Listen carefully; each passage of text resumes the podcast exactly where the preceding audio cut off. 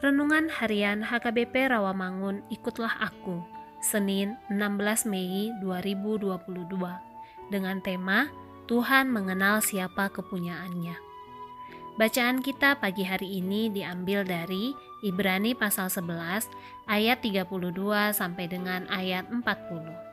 Dan bacaan kita untuk malam hari ini diambil dari Efesus pasal 3 ayat 8 sampai dengan ayat 13 dan kebenaran firman Tuhan untuk kita hari ini diambil dari 2 Timotius pasal 2 ayat 19 dengan bunyi tetapi dasar yang diletakkan Allah itu teguh dan materainya ialah Tuhan mengenal siapa kepunyaannya dan setiap orang yang menyebut nama Tuhan hendaklah meninggalkan kejahatan.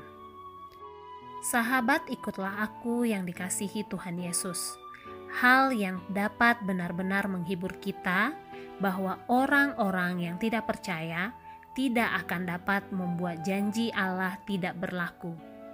Walaupun iman sebagian orang tertentu jatuh, namun dasar yang diletakkan Allah itu teguh. Tidak mungkin mereka memperdayai orang-orang pilihan Allah semua serangan yang dibuat penguasa-penguasa kegelapan terhadap ajaran Kristus tidak dapat menggoyahkan iman orang Kristen.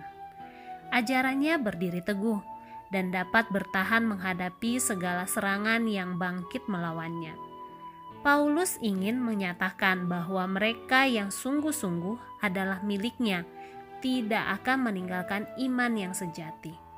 Mereka juga diminta untuk meninggalkan kelaliman dan ketidakbenaran sebagai respon terhadap status mereka dan sebagai respon terhadap para pengajar sesat.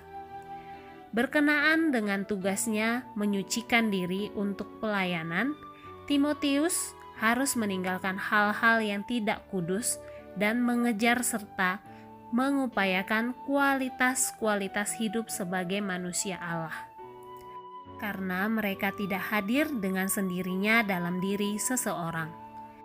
Sebagai pemimpin jemaat, Timotius juga tidak diharapkan terlibat dalam perdebatan-perdebatan tidak berpendidikan dan tidak berguna.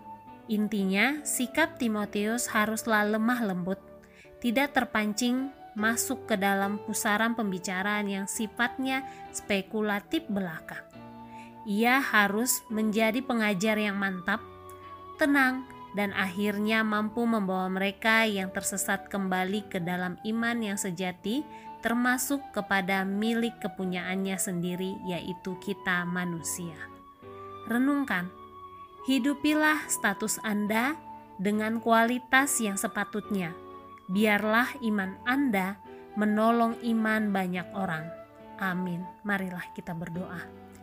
Yesus, letakkanlah dasar yang teguh dalam iman kami untuk selalu Engkau materaikan dalam kerajaanmu untuk selama-lamanya. Amin.